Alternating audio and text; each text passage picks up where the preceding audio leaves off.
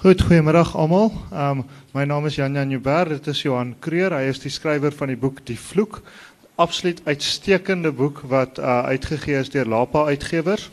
Dit is 'n boek wat um setel rondom 'n man se belewing van 'n grondeis in 'n sekere mate, maar ook van allerlei familie kaskanades tussenin en wat op die ou end groot vrae vra oor waar kom ons vandaan, waar gaan ons heen?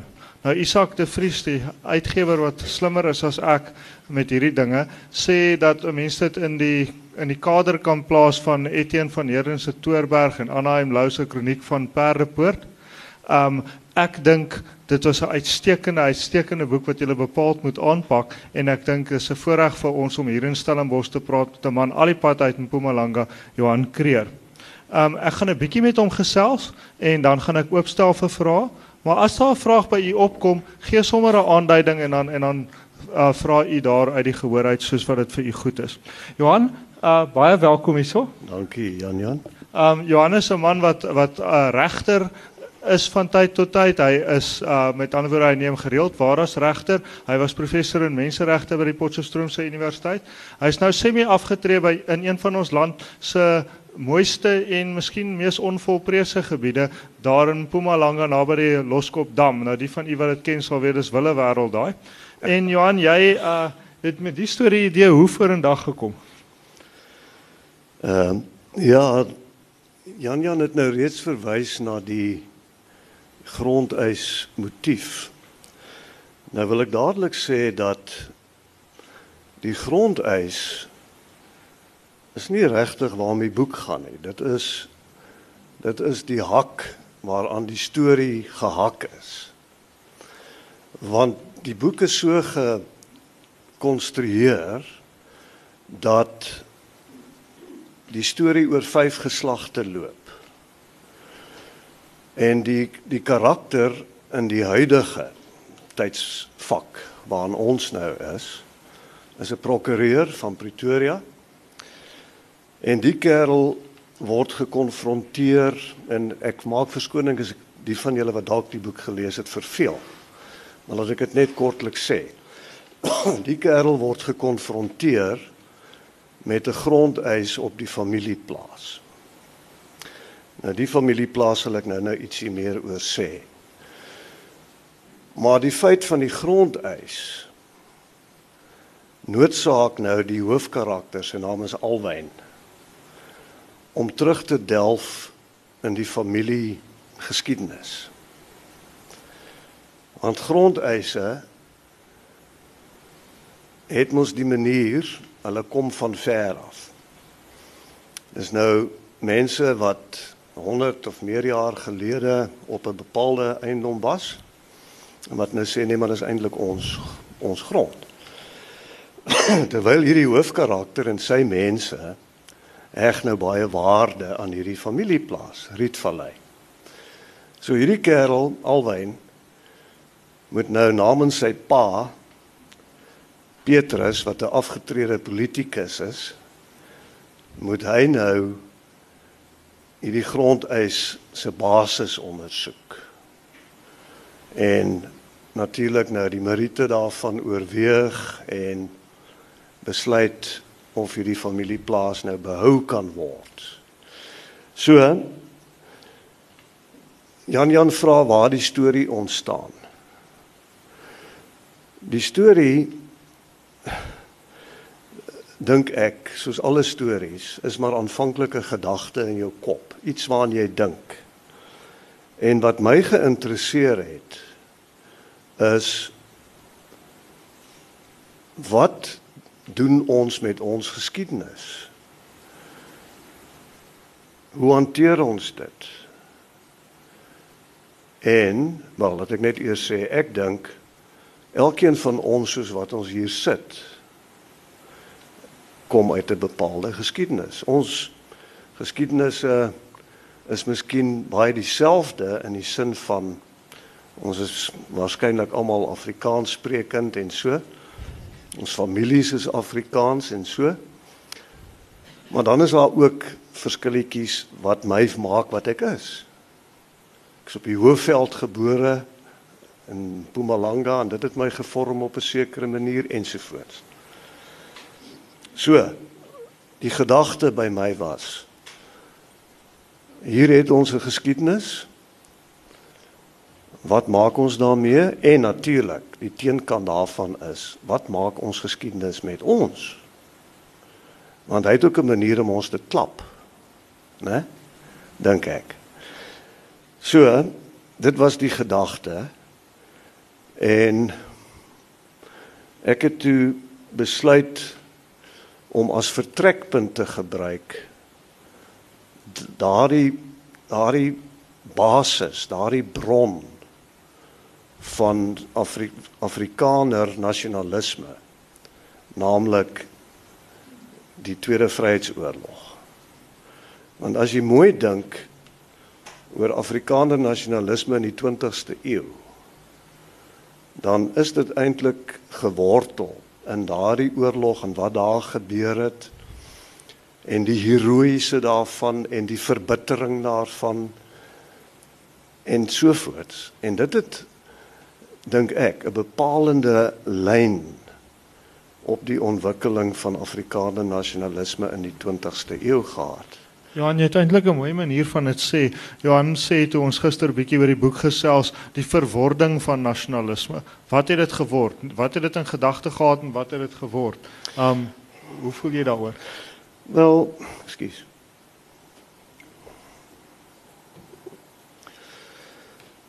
Ehm um, ek het maar my eie teorie daaroor, maar dit kom daarop neer dat ek dink dat die lyding en die onreg van daardie oorlog het die teelaarde geskep vir 'n klomp positiewe en 'n klomp negatiewe goed.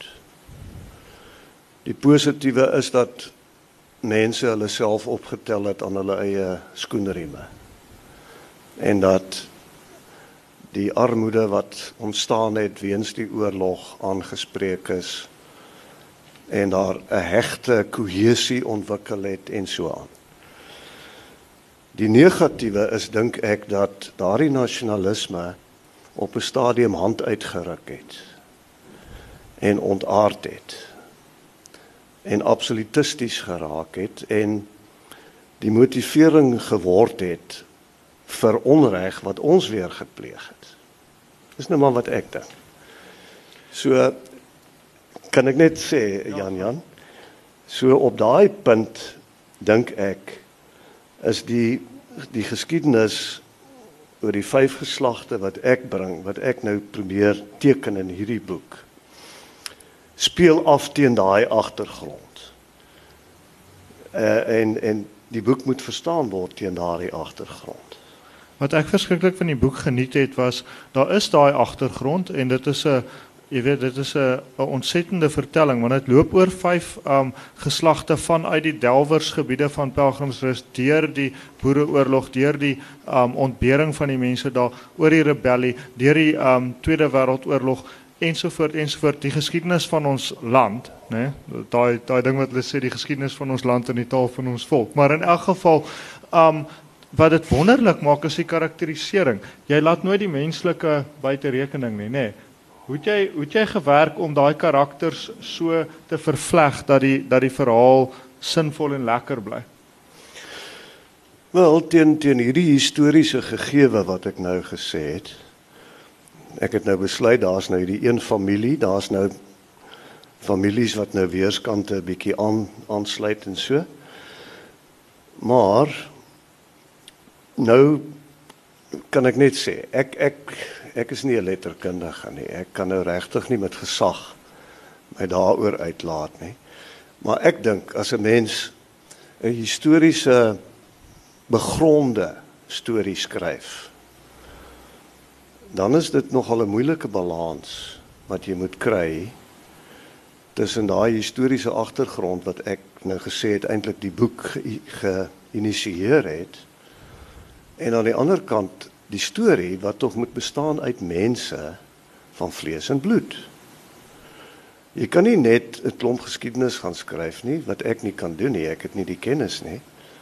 Maar jy moet dit in aanmerking neem Want dit is die dit is die wêreld waarin jou karakters lewe. So, ek het maar begin. Ek het 'n baie vae idee gehad van waar dit heen gaan. Ek het nie regtig geweet nie. En ek het maar ek het maar die oupa die oor oor grootjie het ek geplaas in hierdie woeste stuk grond Rietvallei daar in Mpumalanga in die Loskopvallei wat hy nou bekend is as die Loskopvallei wat ek die wêreld wat ek goed ken. En hy en sy jong getroude, hy en sy vroutjie en hulle eersteling is op pad en hier begin hy. En my ervaring is dat jy besluit op 'n sekere soort mens, né? Hier's nou hierdie hierdie kerel met sy agtergrond. Maar later begin hierdie hierdie karakter homself nou aan jou voorstel. En dan vat hy ook draaie in goeters wat ek nie gedink het hy gaan vat nie. En doen hy dinge wat ek regtig nie voor wil instaan nie. Maar ek dink dis alles menslik. So die karakters en ek dink mense moet ook besop om nie vervelig te raak nie. Jy weet as die een ou passis is met die volgende ou net die presies dieselfde wees en so nie. En dan dan is daar verskillende dinge wat nou jou karakter beïnvloed, jou karakterontwikkeling beïnvloed. Pa-seun verhouding speel 'n baie sterk rol in hierdie storie. Want weens omstandighede, die agtergrond van die van die historiese is daar nou omstandighede die die eerste die eerste seun moes gaan werk soos Jan Jan nou gesê het op die myne in Pelgrimsrus want hulle het geld nodig. Dit bring weer 'n sekere probleme in verhouding met sy ouers. Die tweede ou, sy sy seun het weer heeltemal 'n ander pad geloop en hy het regtig dinge aangevang wat ek nie voor wil pa staan nie.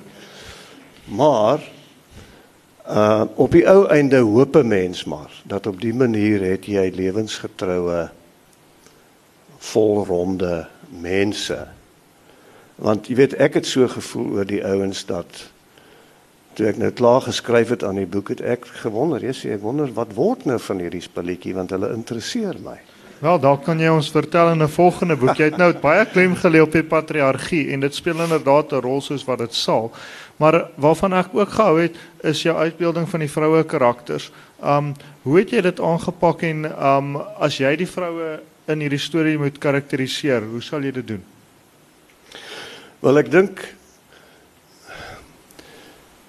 ek dink op die oog af lyk dit asof hierdie hele baie noek familie oor wie dit gaan uiters patriargaal is wat hulle is. So en ek dink dit is nogal taamlik tradisioneel ook dat dit so was. So die ek ek skryf meestal uit die vertellersoogpunt van die man. Maar ek hoop dit kom deur in die boek dat die vrouens as dit ware eintlik die stabiliserende sterker karakters figure in hierdie storie is. Want as die een oupa op loop gaan met sy ondersteuning van generaal Hertzog en hy word vanaf penningmeester van die boerevereniging word hy nou volksraadslid vir Middelburg en hy gaan op loop dan is dit nou maar sy vrou wat die pot aan die kook hou en die familie bymekaar hou en so. So ek hoop dat dat dit sal oorkom vir die leser. Dat ek dink die vrouens 'n baie baie sterk rol gespeel het. Dat die mans die die karakters was wat eintlik op die sy spoortjies geraak het. En dat die vrouens die stabiliserende faktor in hierdie familie was deur die geslagte heen. Ek het juis gedink dat die vroue definitief eerbaarder en liewer karakters was en partykeer um ook ronder karakters was. Nou was een karakter van wie ek nou glad nie gehou het nie. En dis juist nou dat hierdie um besonder eerbare vrou, dis nou ouma Bella nê, nee, ja. wat, wat half die die verpersoonliking is van dink ek uh, die Afrikaner vrou in hierdie slegte tyd. En sy's nou getroud gewees met die oupa Petrus. En die oupa Petrus dink ek is die karikatuur van die Afrikaner man uit die vorige bedeling um waar waarmee baie van ons opgesaal sit ook in ons lewens vandag. Um hoe voel jy oor oor oupa Petrus? Hoe het jy hom uitgebeeld en op wie hy gegrond? Wel die Petrus karakter is die pa van die van die hoofkarakter. En soos Jan Jan nou gesê het, hy's hy's maar tipies. Ek dink ons weet almal waarvan ons praat as ons sê dat hier in die 60er, 70er, 80er jare is dit die soort mense waarmee ons dikwels gekonfronteer is oral in ons samelewings. En hy sê 'n klomp goed en ek het met opset om 'n bietjie hard gemaak, harde mens. Jy weet hy's eintlik 'n kwaliek versoeë rasis. En hy het nooit afskeid geneem van apartheid nie. Hoewel hy so sê, maar hy het dit nooit gedoen nie. En hy is by uitstek is hy nog die die draer van hierdie familie se tradisies. Waaroor hy omhoog roem, maar waar waar waaroor hy ook bereid is om te lieg as dit hom pas. So dis nou nie die soort van ou wat uh vreeslik geliefd is of sal oorkom nie. En Jan Jan is reg. Ek dink dit is van al die karakters in die boek miskien die ou wat 'n mens die minste van hou. Maar ek het probeer om daai kontras te skep tussen wat ons was en waar ons nou is. Want ons kan nie aanhou om te wees soos wat hy was nie. Ons moet die nuwe probleme en die nuwe situasie en so. Ek praat nie politiek nie. Maar die nuwe sosio-ekonomiese milieu moet ons hanteer. En ons kan dit nie doen soos hy dit gedoen het nie. So my hoofkarakter hoop ek is meer geneig om aanpasbaar te wees. Ja, ek dink jou hoofkarakter is is wat ons hoop ons besig is om te word.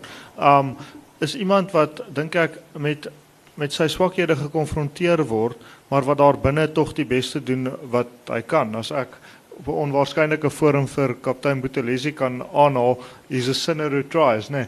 Um maar ek het nie gedink jy het jy het um ek het nie gedink jy het jy het die die die oupa, uh, die moeilike man Petrus so hoekig geteken nie want wat ek geniet het in die boek is dat jy gesinsdinamika en familiedinamika duidelik fascinerend vind. Hoe het jy dit ingeborduur in die storie in? Die dinamika van die familie. Ja, en van die gesin selfs vandag want wat ek geniet het was um daai wat van Wyk Lou genoem het um klein trou en klein trouloosheid, né? Um is in die boek sterk vervleg ook in die hede. Wel, dit is in 'n in 'n sin is dit miskien maar wat die karakters op die ouend self gekies het om uh as dit gaan oor die troueloosheid. Ek dink nie dis 'n vreeslike populêre tema as mens dink dat ons hier verlede net heroïs was nie, want hy was nie net heroïs nie. Hy het ook hierdie soort van van kaskanades gekry wat party van hierdie ouens aangevang het. En die punt is ons moet daarmee handel. Maar ek dink dat die invleg van van die familie die familie wisselwerking en dinamika is eintlik tipies Afrikaans. Jy weet as jy in 'n Afrikaanse omgewing gesin en so groot word en geword het, dan is dit nie 'n baie moeilike ding nie. Ek dink dit is baie van selfspreekend.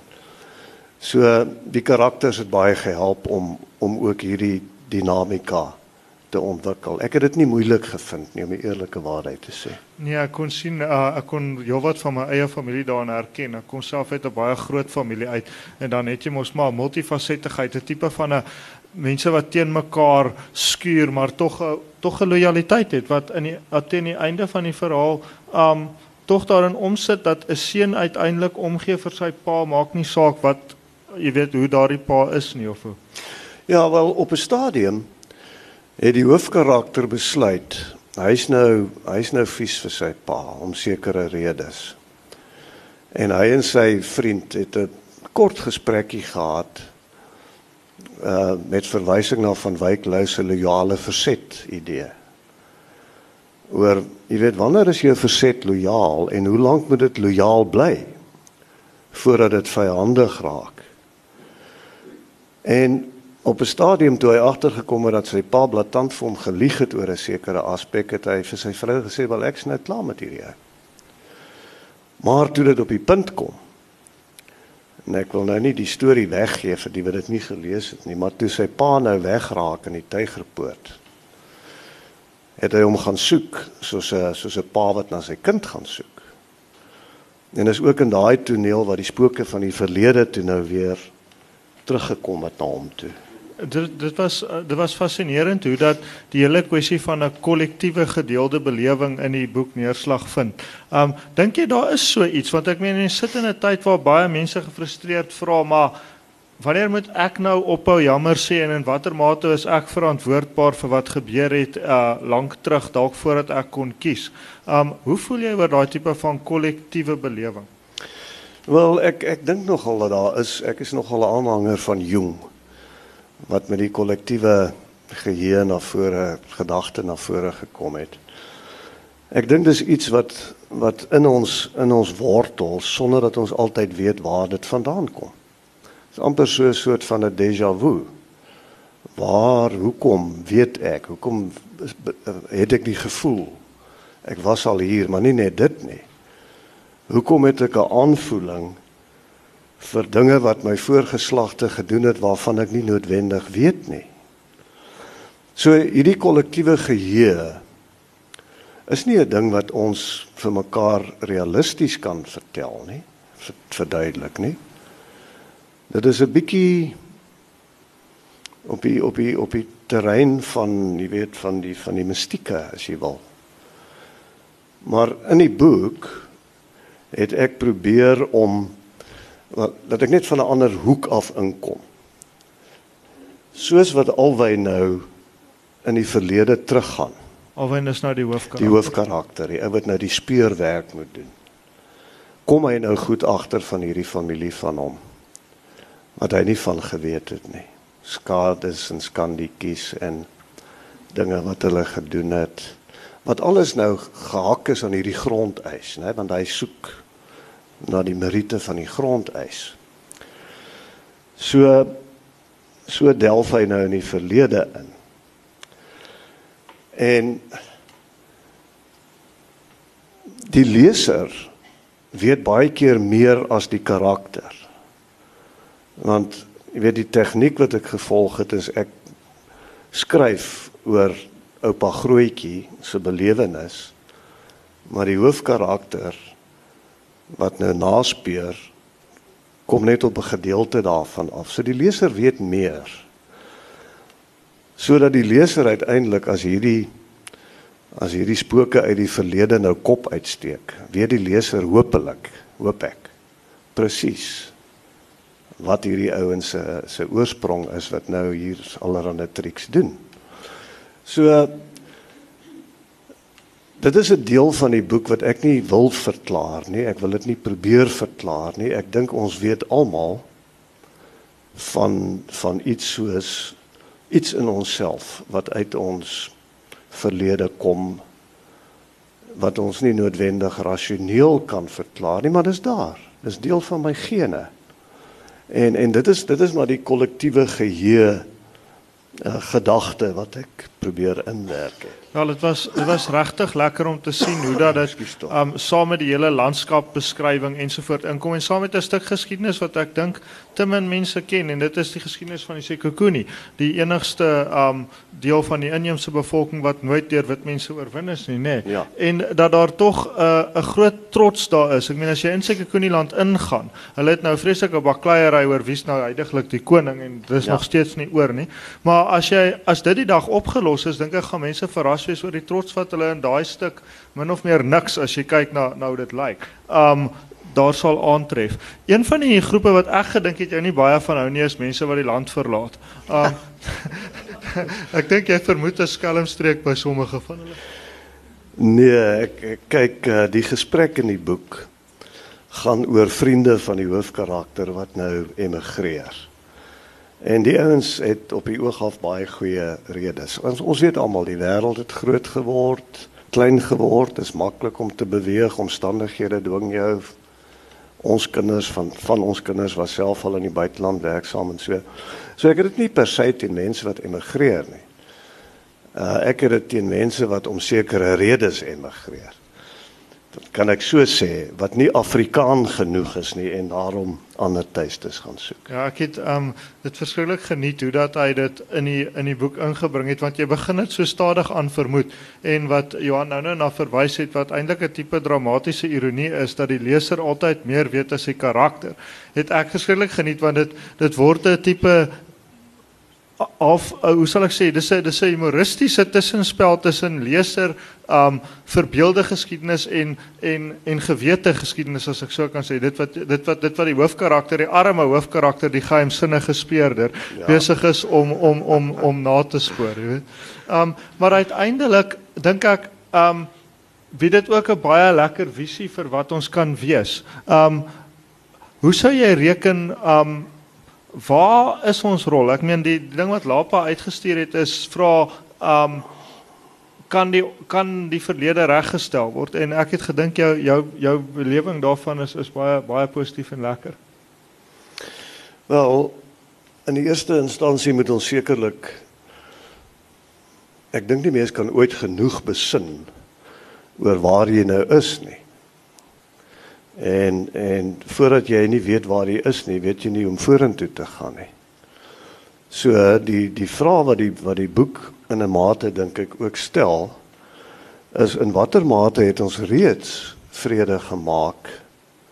Het ons reeds ons verlede, ons koloniale verlede, ons apartheidsverlede vir onsself verwerk? En hoe sien ons onsself nou in hierdie nuwe bedeling. Is ons nou slagoffers of is ons positief soos mense hier op die fees belewe, baie positief? Maar dis nie 'n enkelvoudige vraag nie. So ek ek probeer nie antwoorde gee nie want niemand kan die antwoorde gee nie glo ek. Maar dit is 'n kwessie van gesprek en besinning wat ons oor en oor moet doen onder mekaar en dink ek ook in gesprek met landgenote want uh, ek dink daar is baie van die kwessies van die verlede wat nog in die lug hang wat ons nog nie aangespreek het nie en waarmee ons nog nie vrede het nie. Johan, toe jy um besluit het om hierdie verhaal daar in daardie stuk van Mpumalanga te plaas rondom die Loskopdam gebied, 'n gebied wat jy duidelik goed ken. Um dis nie 'n gebied wat al dikwels in ons letterkunde beskryf is nie. Hoe het jy um te werk gegaan om die landskap deel van die verhaal te maak? Wel, wat wat Jan Jan se opmerking betref oor die beskrywing van die gebied is baie waar. Ek weet net van Chris Barnard wat al dele van daardie gebied in in verhale en so aan hanteer het, Nelspruit, uh, Laagveld en so daar waar ons is is uh waar ons woon uh is daar nou wel weet daar's baie interessante boeke uit die Anglo-Boereoorlog wat daar wat daar sy oorsprong gehad het en so maar nog nooit in in die Afrikaanse literatuur wat ek van weet nie. So ek het gedink wel dis onbekend vir die leserspubliek maar kom ons probeer dit bekendstel. En ek ken nou die omgewing, ek ken die natuur, ek ken die diere, ken die mense. Ek het ervaring van die Sekekuni. Ek ken die Afrikaners. En daar is nie baie Engelse nie. So, jy weet, ek ken die omgewing. 'n slegte plek. en uh ek sê dit in tongenetjies. So, dit is ek hoop 'n manier om om ook daardie deel van die land bekend te stel aan 'n leserspubliek wat soos Jan Jan reg aan die begin gesê het dis eintlik 'n totale onbekende onontdekte juweel. En dit is dis so mooi. Ek kan nie dink hoekom uh, hoekom dit so is nie. Dit was vir my maklik om daai gedeelte van die storie te doen want dit is vir my dis vir my baie bekend. Kyk, dit was gemaklik om te lees ook, ek moet sê. Um en een van die dinge wat uh wat ek altyd bewonder as mense dikwels ook die verskil tussen 'n boek wat miskien nie lekker lees nie en 'n boek wat lekker lees, is die weergee van dialoog. Um dit klink vir my asof jy 'n taamlike waarnemer van gesprekke is. Um het die het die regsagtergrond daarso gehelp? Wel ja, ek ek dink dat daar dikwels 'n wanpersepsie is oor oor regsgeleerdes. Ek dink nie jy is so 'n goeie regsgeleerde as jy baie goed kan praat nie. Ek dink jy moet goed kan luister. Ehm um, so ek probeer om 'n goeie luisteraar te wees. En in die proses is daar miskien goedjies wat 'n mens optel en wat jy waarneem. Want as dit jou werk is, soos dit nou al my werk baie keer was om op die regbank te sit en getuies te beluister en hulle waar te neem en nuances waar te neem en so dan dan leer dit jou aan die een kant om fyn waar te neem. Maar aan die ander kant en ek het dit gister vir my vriend Tinus wat daar agter sit, ons het ook al oor gepraat. Ou moet ou leer ook om nie vinnige oordeele te vel nie. Jy moet baie stadig wees om oordeele te vel. Want jy kan so maklik fouteer. So, as jy as jy waarnemings uit dialoog en so aan goed oorkom, is ek baie bly. Ehm uh, ek hoop as die leser die boek lees, hulle nie oor my vinnige oordeele sal vel nie. Hulle sal jou dalk 'n baie humoristiese waarnemer van van die menslike natuur vind. Um hoe het jy daar's vir heeltyd 'n halfe ek weet nie ironiese humor in in hoe in hoe die karakters deur die verteller waargeneem word. Um Hoe voel jy daaroor dat oor humor en miskien die waarneming van mense op daai manier want ek dink jy het menslike swakhede hierso ingebou maar op 'n vreemde manier sonder om te oordeel.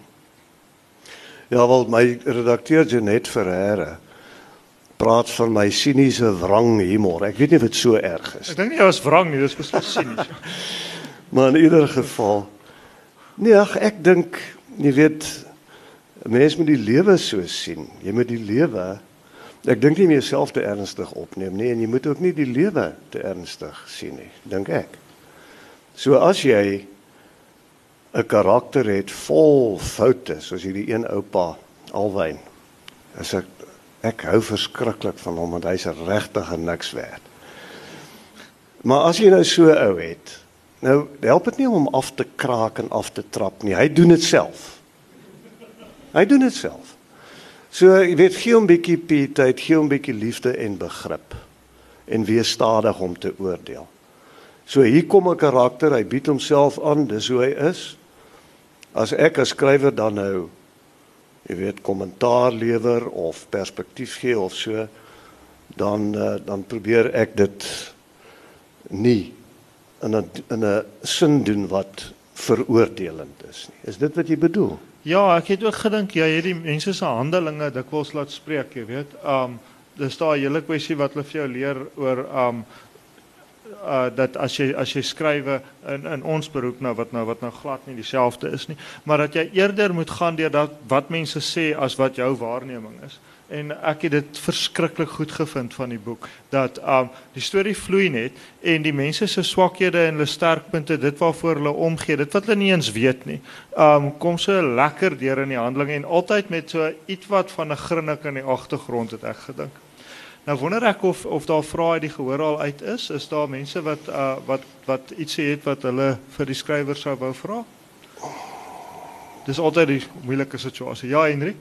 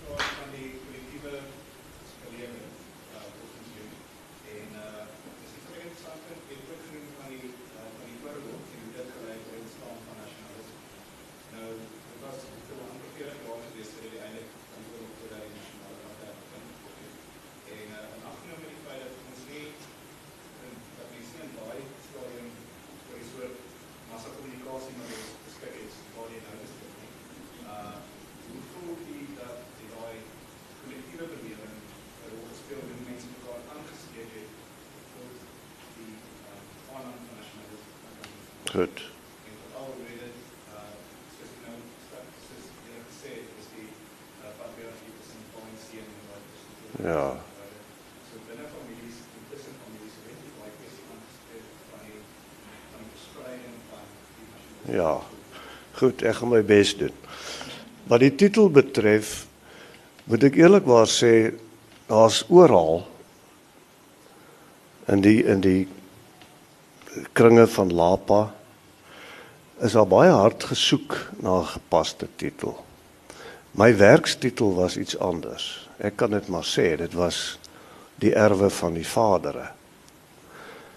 Maar daar's toe gevoel dit om verskillende redes ons dit nie moet gebruik nie. Nou die vloek, laat ek net sê, die storie gaan eintlik oor die erwe van die vadere, dit, dit wat ons geërf het, wat moet ons daarmee doen en so. Die vloek aan die begin van die storie toe die eerste oupa in 1890 in daai woeste gebied op sy woeste plaas 'n watervoor grawe. Toe grawe hy sy watervoor deur die grafte van die Sekekuni. En die val van die water noodsaak hom toe om die een graf te beskadig. En dit het aanleiding gegee daartoe dat hy op 'n later stadium toe nou sogenaamd vervloek is deur die Sekekuni omdat hy nou die grafskending gedoen het. Nou, dit is die sigbare klaarblyklike vloek wat wat nou vir geslagte na bewering op hierdie familie rus. En dit word soms deur die familie, die Baienoks, gebruik as 'n verskoning of 'n moontlike verskoning as goed verkeerd gaan met hulle. Ja, dis daai vloek wat destyds. Maar ek probeer ook om aan te toon dat die vloek op die familie eintlik meer van hulle eie hulle eie making is. Daai vloek, jy weet, jy kan vir jouself besluit of dit die vloek was of nie die vloek was nie. Maar hierdie ouens het terugslaa en allerlei moeilikheid gehad en hulle het eintlik in 'n groot mate dit oor hulle self gebring. So die vloek is toe die titel omdat dit hierdie twee elemente waarna ek breedweg verwys het, na verwys. En en uh, mens moet maar vir jouself besluit. Wat is die eintlike vloek? Is dit die grafskending of is dit wat hierdie ouens aangevang het? Die tweede ding is die kollektiewe geheue. Dit is natuurlik so dat in daai tyd was daar swak kommunikasie en so voort. Maar daar was goed soos nagmaal elke 3 maande in die dorp, ons almal daar. En daar was politieke byeenkomste en daar was geloftefees en so. En die goed het maar stadiger natuurlik as wat dit nou gebeur, gebeur, veel veel stadiger. Maar is dit maar oorgedra en het dit in sommige gevalle ontaard in 'n warm broeiery van mekaar. Nou my probleem wat ek in die historiese agtergrond in die boek probeer uitlig is nie so seer wat die mense self gedoen het met daardie proses nie. My probleem is wat mense, hoe mense op die ou einde daardie kom ons noem dit nou maar opdellende nasionalisme gevat het en daarmee gehardloop het en dit skeef getrek het. So, jy weet as jy wil kan jy sê ek praat van die politici en en soortgelykes. So die kollektiewe geheue val op daai vlak, maar hy val ook op 'n persoonlike vlak. As jy die een as die hoofkarakter Alwyn oornag in Pelgrimsrus waar sy oupa wat 60 70 jaar van tevore in dieselfde buitekamer gebly het dan weet hy dit nie maar hy droom 'n droom van hy wat op 'n dikwiel fietsry soos wat sy oupa dit gedoen het. Hy weet nie hoekom hy dit droom nie. Dis hoekom ek sê dis nie rasioneel verklaarbaar nie. En so is daar 'n klomp goed wat hulle self presenteer en wat die karakter dink maar ek herken dit. Dis dis is 'n bietjie spookerig. Maar ek het probeer om dit so min as moontlik spookerig te maak. Dis wat ek vir jou daarop kan sê. Geen minstens nie 'n gespook af nie, hoor. Ja. Dis baie lekker om te lees. Um is daar nog iemand wat ietsie wil vra? Ja.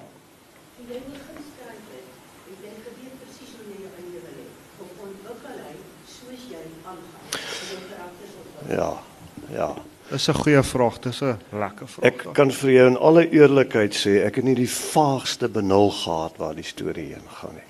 Nie die vaagste benul nie.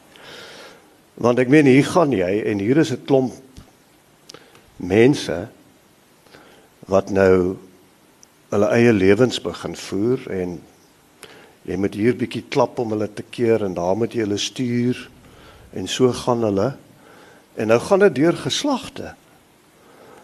En dit gaan nou kom maar oor die grondeis, maar eintlik gaan dit oor ander goeters. So ek het nie geweet waar gaan die storie heen nie. Ek moes kyk waar gaan die storie heen. En iets soos die grondeis moes ek nou 'n oplossing voorkry. Dit is baie maklik om dit te doen. Boem boem boem, daar is hy. Sjoe. Maar wel, dit is natuurlik fiktief. ander goeters soos soos die gevolge van die moleste wat aangevang is is baie moeiliker om oplossings voor te kry. So nee. Eh, om die waarheid te sê het ek aanvanklik 'n slot geskryf wat glad nie gewerk het nie. Toe lees my vrou dit, toe sê sy vir my werk nie. Toe skryf ek weer een en toe sy dit lees toe huil sy. Toe sê sy dit werk. So dis hoe die slot ontstaan het. Goed. Ehm um, enige iemand anderster wat ietsie wil vra? Ehm um, ek het nog 'n vraag en dit is rondom ehm um, rondom vertellersperspektief en tydverloop. Ehm um, een van die grootste uitdagings is om ehm um, 'n verhaal te vertel wat basies in verskillende tye afspeel. Uh en ek het gedink jy doen dit baie effektief. Um, hoe het jy dit beplan dat daai ek dink dit is omtrent 5 tydraamwerke almal gelyk en parallel loop dat ons tog kan verstaan wat aangaan. Ja, nee, dit is dit is kyk 'n ou moet in die eerste plek moet jy nou moet jy nou plek in in gedagte, né? Want die storie werk so, hy's nou in die hede en hy's in die verlede. Die verlede speel in vier verskillende fases af, maar nie alles op dieselfde plek nie. So as hierdie hoofkarakter om 'n situasie A bevind, moet jy 'n koneksie kry met een van hierdie of dan kronologies eerste een. As hierdie ou plaas toe beweeg uit Pretoria uit, dan moet jy 'n koneksie kry. Om dit vir die leser hoop ek makliker te maak, het ek die verlede kronologies hanteer. Van die eerste oupa grootjie oor oor grootjie tot by die pa pa kom tussenin so bietjie deur. Maar 'n uh, ou ou moet maar kop hou en jy moet maar kyk na die datums en wat het in 1924 gebeur. O, generaal Hertzog het die verkiesing gewen. So die oupa wat nou daar is, jy weet moet nou gekonnekteer word daaraan en so voort. So dit dit is 'n uh, bietjie van 'n oefening. Ek het vir my tabelle opgestel en so aan net om nie deurmekaar te raak nie. Want as jy end weg is, En uh, het jy vergeet wat in 1933 gebeur het? Jy weet, so ek moes dit voorkom. Wel ek dink jy het dit baie goed reg gekry. Ek meen trouens, dit was een van die goed in die reek van appels van Mark Beer wat my nogal ge gevang het, was um dat mense het geïrriteerd geraak daardeur dat daar rondgespring word tussen tyd en in hierdie geval glad nie. Trouens, ek kan eerlikwaar sê mense laat um is 'n heerlike boek. Dis een wat jy gerus kan aanskaf. Um en ek dink wat die van julle wat leserskringe uh verteenwoordig waarvan ek 'n paar hier sien, um gerus kan bespreek en um as julle met Johan te doen kry, dit was my voorreg om vir hom en Esther gister te ontmoet en dit is 'n groot voorreg. Is dis vermoënde mense en dat hulle werklik waar um vir jou kan meeneem met wat hulle in gedagte gehad het, miskien ook waar dit 'n minder kunsmatige opset is. So uh, absoluut moeite werd om te oorweeg. Um 'n skitterende boek wat lekker lees, 'n verwikkelde boek wat nie ingewikkeld is nie en een wat ek sonder voorbehoud aanbeveel. Baie dankie dat julle gekom het en gesels gerus met hom nou en laat hom julle boeke teken. Dankie. Baie dankie.